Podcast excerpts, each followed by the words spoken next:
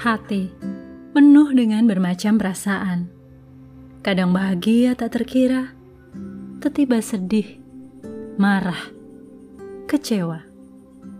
Terkadang kita merasa nggak ada yang bisa mengerti hati kita, bahkan termasuk kita sendiri. Tapi Tuhan selalu tahu apa yang terjadi dalam hati kita, sebab Ia yang menciptakan kita. Saat kita menangis, bukan berarti ia tega membiarkan kita. Namun ada hal-hal tertentu yang ingin kita belajar, mencerna, dan kemudian mengerti. Lalu bisa kembali bangkit berdiri. Bukan sekadar merengek, lalu diusap dan disuap.